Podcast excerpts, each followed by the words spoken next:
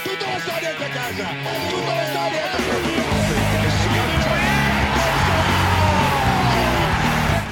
ska ni vara till Svenska fans live. I det här programmet ska vi snacka om Champions League-semifinalen mellan Schalke 04 och Manchester United. Och i det här programmet så är det fokus på Manchester United. Ni kan även gå in på Svenska fans live och lyssna på intervju med Hans Kock och Schalke 04-redaktionen om ni så vill.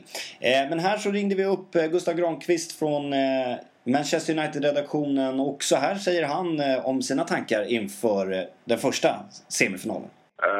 Nej, tanken är väl som vanligt att komma därifrån med så bra resultat som möjligt. Uh, skillnaden mot Chelsea-kvarten uh, var ju att då tyckte väl jag att vi inte var favoriter, vilket vi är nu enligt alla liksom, konstens mm. Mm. Uh, så det är väl egentligen hur, hur väl vi kan hantera det. Mm. Tror du att det finns chans för underskattning på, på den här nivån, eller?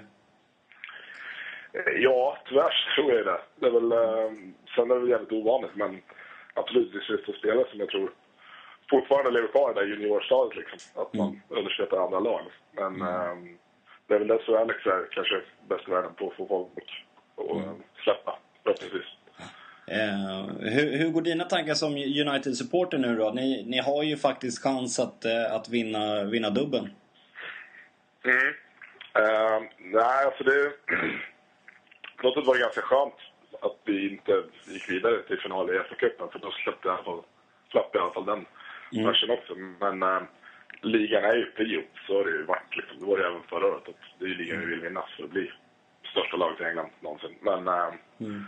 Så det är klart, när man väl kommer till semifinal i Europacupen eller Champions League så är det ju det är klart att man, man vill ju vinna det annars mm. eh, Och ligan känns ju ganska klar, eller? Ja, eller vågar man säga det? Men jo, nej, men det gör den. Alltså jag, jag har liksom bestämt för att så är det. Jag vet inte, jag har läst någonstans, någon som orkar räkna att vi behöver bara ta en poäng mot Arsenal och Chelsea sammanlagt. Eh, och gör vi inte det, då är vi fan inte värda att vinna ligan heller. Det, det, ska bara lösa sig. Mm. Eh, men hur, hur, känner du att, att möta Schalke då? Det, Schalke känns som att de har liksom eh, överraskat alla här. De, ingen trodde på dem kanske ens i, i kvarten liksom. Men de fortsätter att slå. De slår regerande mästarna och sådär. Eh, hur ser du på att möta just dem? Alltså det, på ett sätt är det roligt. För det är skönt att Barcelona och Real får slå ut varandra istället. Mm. Uh, men uh, och sen så tycker jag att just första kvarten där mot Inter så visar väl inte just deras rätta sida. Att jag tycker inte att Inter är så pass bra som de ska spela i kvartsfinal i Champions League. Sen mm. är det klart jag jävligt imponerad av Schalke och så slog väl båda matcherna. Uh, så att, jag vet inte, jag tror att första matchen gjorde att liksom, det var redan kört inför returen. Så därför tror jag inte man fick se riktigt vad, vad varken Inter eller Schalke kan prestera. Mm. Uh, men uh, sen är det, de har ju Raul. Raul är ju Raul liksom. Mm. Eh, om, du får, om du får tippa ett eh, resultat i första matchen här, vad, vad tror du att det blir? Ah, jag tror det blir 0-1.